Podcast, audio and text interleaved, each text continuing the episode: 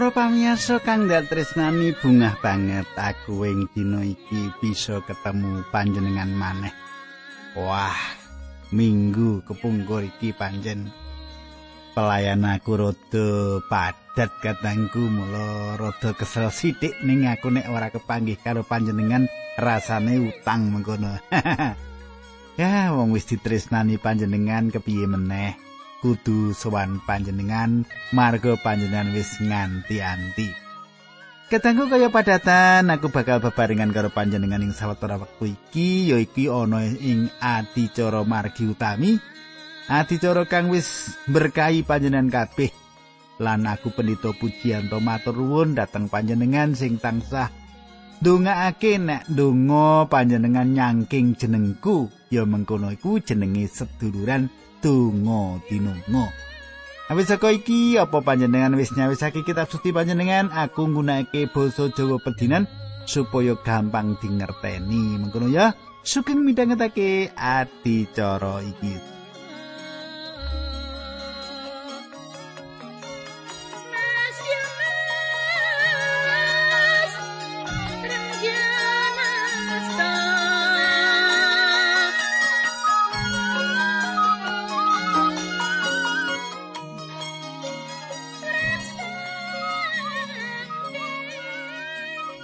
Katanggu ing patemon kita kepungkur kita wis nyemak gambaran kang diparingake Gusti Yesus.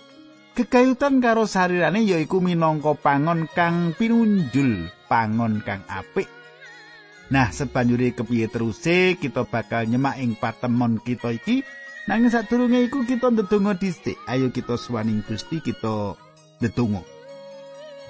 Duh Kanjeng Rama ing swarga kawula ngaturaken gunging panuwun Menawi wekdal menika kawula saged tetunggilan kawula saged sesarengan kalian sederek-sederek kawula ingkang setya tuhu midhangetaken adicara menika. Pandonga kula dumateng Paduka Gusti supados sederek-sederek kawula menika tinebihna tulak sarik bebaya ing gesangipun.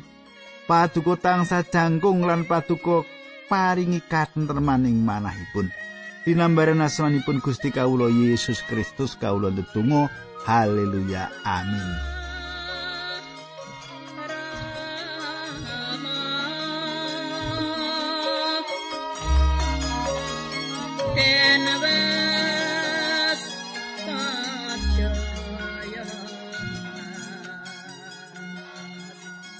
Para pamirsa pasinan kita saiki wis nganti Yohanes 10 Monggo kita sinau wiwit ayat 14 lan sak teruse sak tekani nek ora rampung diteruske dina candake. Ngono ya.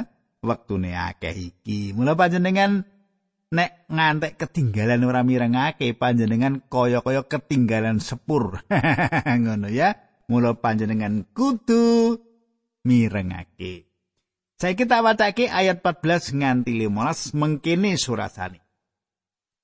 Aku iku pangon sing utama kaya dene Sang Rama wanuh karo aku, lan aku wanuh karo Sang Rama kaya mengkono uga aku wanuh karo wedhus-wedhusku lan wedhus-wedhusku wanuh karo aku, aku lilo mati ngelabui wedhusku.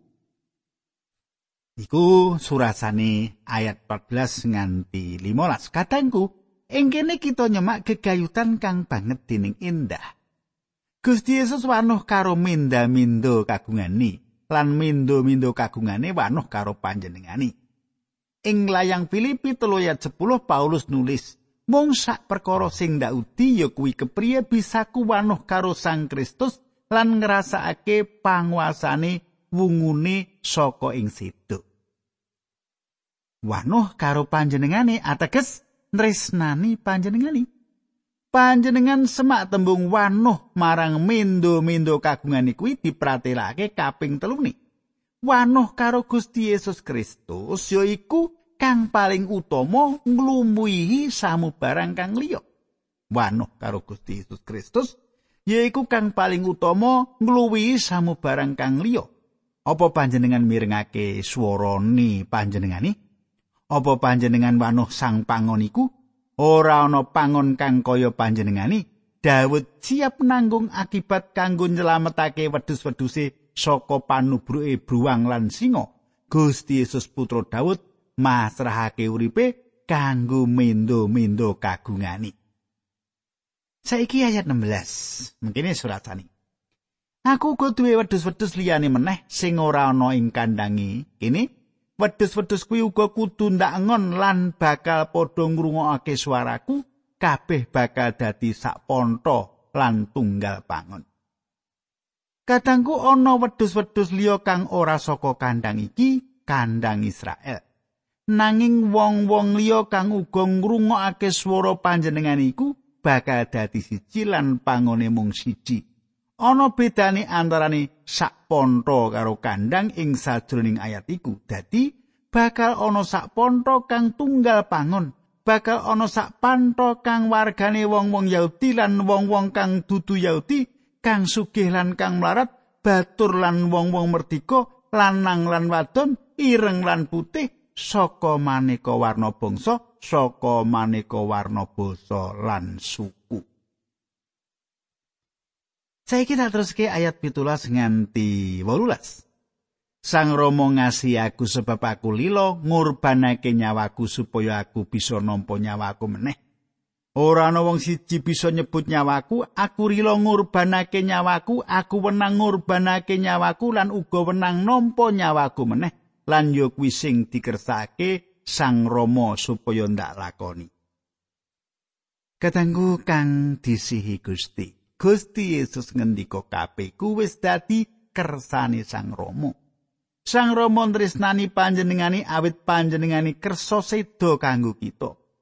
Kita uga kudu tresnani panjenengani awit panjenengani sedo kanggo kita panjenengani andadekake sugenge minangka kurban kanggo dosa kita ing kayu salib saksune telung jam kang kalimputan peteng kuwi Allah Sang Rama nyelehake ing sarirane sakabeh dosane jagat. Pangon kang utama masrahake sugenge kanggo mindo-mindo kagungane. Gusti Yesus nyetakake menawa panjenengane masrahake sugenge kanthi sukarila. Panjenengane sakbenere kang kagungan kuwasa atas dalane pengadilan kang panjenengane lampahi lan panjenengane kang netepake nalika sedane wong-wong Yahudi nyebutake yen kelakone lelakon kuwi apike aja pas dina supaya ora ana gegeran horek ing antarane rakyat nanging Gusti Yesus banjure disalib ing dina riyaya. Panjenengane ora tau madeg nganggo kamulyan minangka ratu ngluwihi nalika panjenengane ana ing kayu salib. Menawa wong maca Injil kanthi teliti, wong bakal ngerti yen sakbenere panguwasa Rom, bangsa Israel, panjenengan lan aku sejatine sing disidang utawa diadili kuwi. Cetha ya. Saiki ayat 19 nganti selikur mengkene surasani Merga pangandikane Gusti Yesus sing mengkono mau wong Yahudi nuli padha padu dhewe.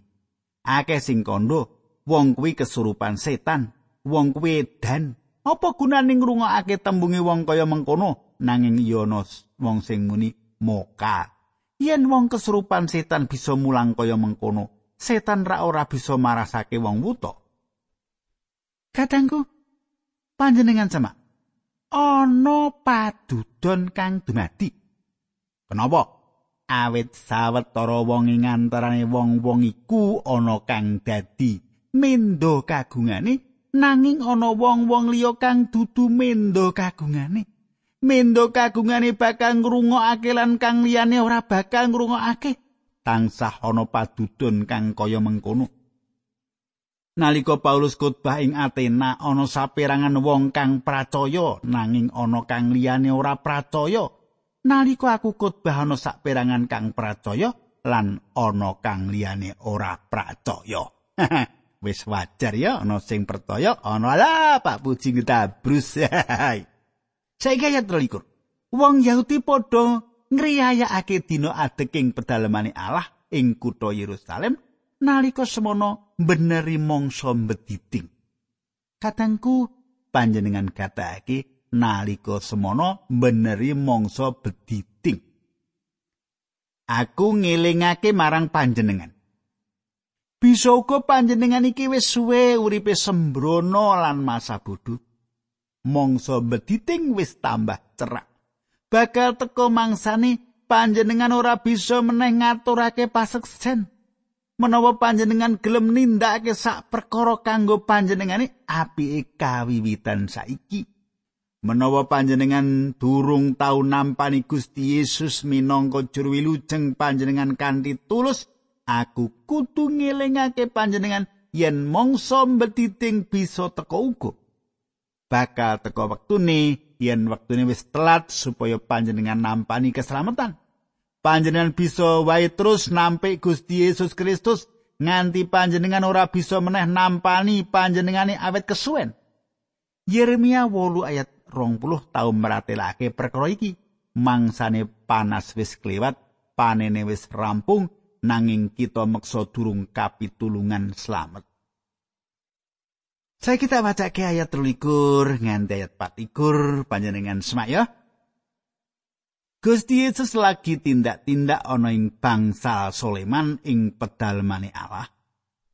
Para panggedhene wong Yahudi nuli padha marani Gusti Yesus lan ngrubung panjenengane nuli padha matur ngantos pinten laminipun anggen panjenengan damel mangu-manguning manah kula kula aturi ngendika kalian bloko menapa panjenengan menika Sang Kristus.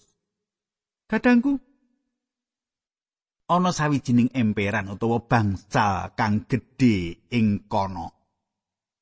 Kang dimligekake kanggo wong-wong dudu Yahudi, wong-wong kang ora kalebu bangsa Israel. Nalika iku ing mangsa mediting lan Gusti Yesus mung tindak ing bangsa Salomo wae utawa emperan Salomo wae. Gusti Yesus wis nyetakake gegayutan sapa to panjenengane kuwi sejatine kanthi tinar buka. lan wong-wong kang nampani panjenengane bisa mangerti yen panjenengane kuwi sejatine Sang Mesih.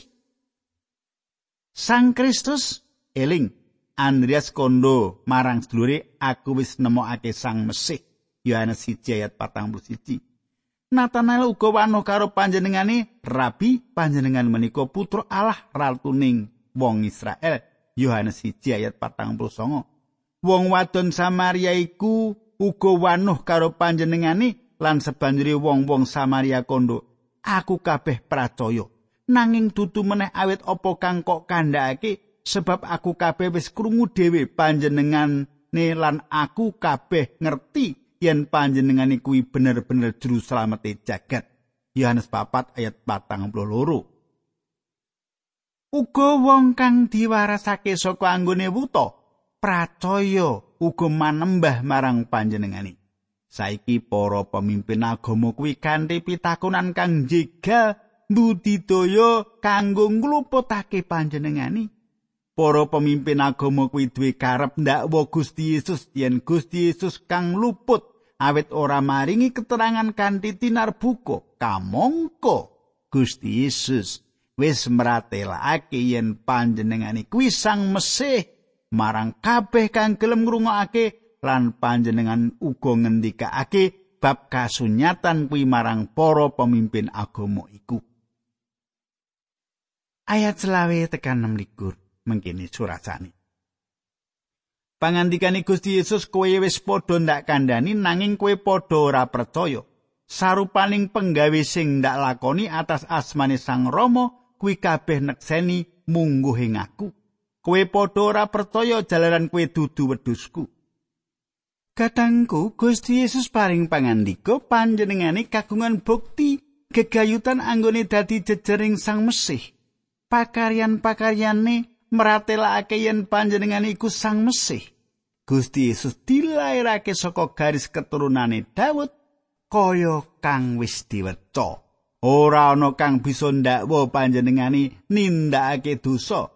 Nalika Yohanes Pembaptis ngutus murid-muridnya supaya golek sisik melik apa Gusti Yesus iku Sang Mesih apa dudu, Gusti Yesus ngandika supaya para murid mau bali lan ngandhakake marang Yohanes gegayutan karo perkara-perkara kang wis ditindakake panjenengane. Sepanjure Yohanes Pembaptis ngerti atas dasar apa kang ditindakake Gusti Yesus lan bener yen panjenengane iku pancen Sang Mesih.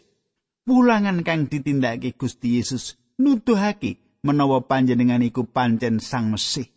laku janraning uripe nyengkuyung kasunyatan kuwi. Mujijat-mujijat kang ditindakake negasake menawa panjenengane kuwi Sang Mesih. Perkarane dudu awit Gusti Yesus ora kagungan bukti, nanging kang dadi perkarane ana ing sajroning atine wong-wong kang ora pratoya. Kasunyatan menawa wong-wong mau ora percaya mbuktekake yen pancen wong-wong mau dudu mindo-mindo kagungani. Tak teruske ayat pitulikur nganti telung puluh Yohanes 10. Wedus-wedusku padha niteni suaraku. Aku wanuh karo wedus-wedusku lan wedus-wedusku padha ngetotake aku. Wedus-wedus kuwi padha ndak wenehi urip sejati. Teman ora ana sing bakal mati lan ora ana wong sing bisa ngrebut wedus-wedus mau saka ing tanganku. Sang Rama sing maringake wedhus-wedhus kuwi marang aku kuwi ngungkuli sakabehe lan ora ana wong siji wae sing bisa ngrebut wedhus-wedhus mau saka astane Ramaku. Sang Rama lan aku kuwi siji. Katengku kang ndak tresnani wedhus-wedhus utawa mindo-mindo kagungane Gusti Yesus bakal ngrungokake suarane. Lan mindo-mindo mau nderekake tindaki tondo yen wedhus-wedhus mau kagungane yaiku wedhus-wedhus mau bangun turut marang panjenengane. Apa panjenengan ngersakake mengerti wong iku wis dislametake apa durung? Panjenengan bisa mirsani apa wong iku bangun turut marang Sang Kristus. Panjenengan gatekake, aku wanuh karo wedhus-wedhusku. Aku seneng menawa ana wong sing wanuh karo aku. Aku ora perlu nyetakake awakku dhewe marang Gusti Yesus. panjenengane tenan-tenan wanuh karo aku lan wedhus-wedhusku padha ngetotake aku. Apa kang ndak aturake iki sederhana banget, gampang banget. Menawa pangon nyeluk wedhus-wedhuse esuk-esuk lan wiwit munggah menyang gumuk lan sebanjuri saka antarané 500 wedhus kang ana ing kandang, ana 100 kang metu lan melu pangon iku, mula aku bisa kondo yen wedhus 100 kuwi pancen duweke pangon mau. Aku go bisa duwe anggapan yen wedhus 400 kang liyane dudu duweke pangon mau. Katangku panjenengan gatekake wedhus-wedhus kuwi padha ndak wenehi urip sejati teman ora ana sing bakal mati. Katangku nalika Gusti Yesus maringi urip langgeng marang wedhus-wedhus mau, lire wedhus-wedhus mau ora kudu mbudidaya lan ikhtiar kanggo urip langgeng kuwi.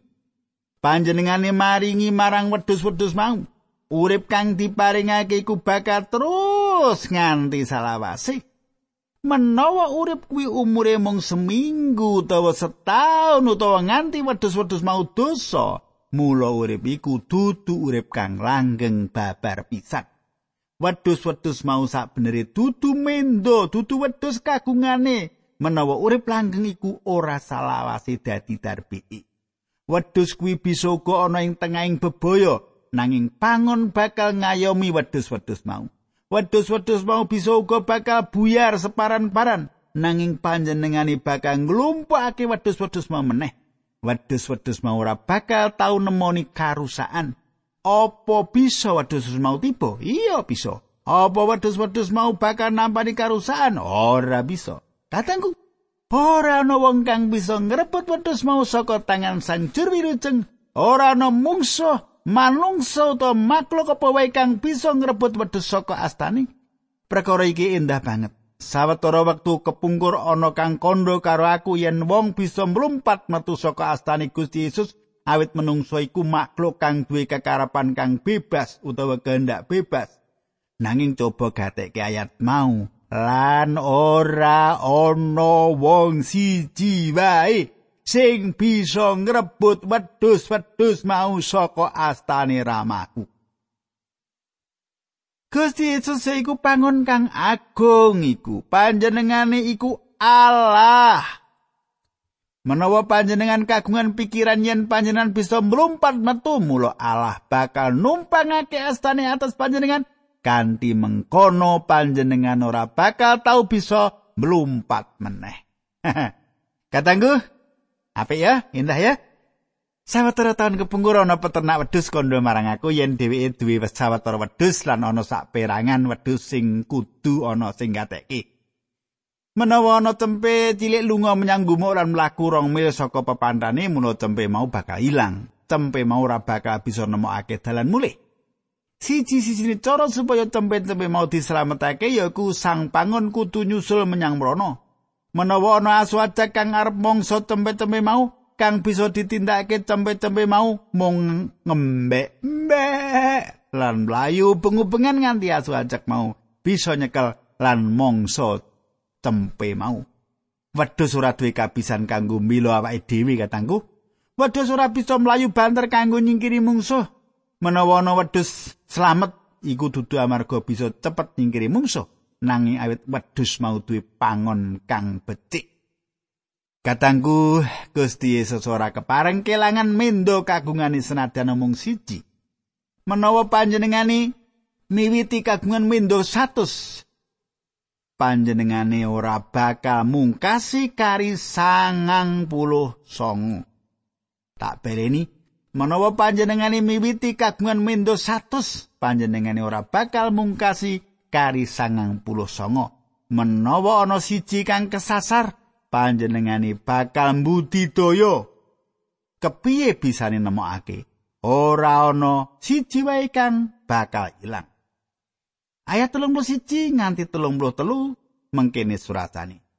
Para panggedhine wong Yahudi mau nuli padha njupuk watu arep kanggo mbenturi Gusti Yesus nanging panjenengane malah ngendika marang wong-wong mau kowe wis padha nelenggonku nindakake pengawe becik sing didhawuhake Sang Rama marang aku supaya ndak lakoni. Lah saiki apa ana ing antarané penggaweku mau sing jalari kuwi arep menturi watu aku? Para panggedhe mau nuli mangsuli kula sami badhe menturi panjenengan boten margi pendamel-pendamel sae panjenengan nanging margi panjenengan nyenyamah Gusti Allah. Panjenengan menika rak namung menungso kenging menapa panjenengan ngaken yen panjenengan menika Allah. Katengku, ana siji perkara kang tentu yaiku dina iku. Wong-wong kang ngrungokake Gusti Yesus ngerti lan ngakoni kealahane keilahiyane. Gusti Yesus nuduhake kabeh bukti yen panjenengane kuwi Allah. Ora ana wong siji wae kang bisa nampik mukjizat-mukjizat kang wis ditindakake Gusti Yesus panjenengane nyarasake wong akeh lan ora ana siji wong kang nampik lelakon kuwi wong-wong mau ndakwa panjenengane yen nyawiyah Allah. Wong-wong mau ndakwa Gusti Yesus nindakake nyawiyah Allah awit panjenengane ngakuni, ngakoni menawa panjenengane kuwi dadi jejere Allah. Ayat 34 nganti 38 mengkene surasane.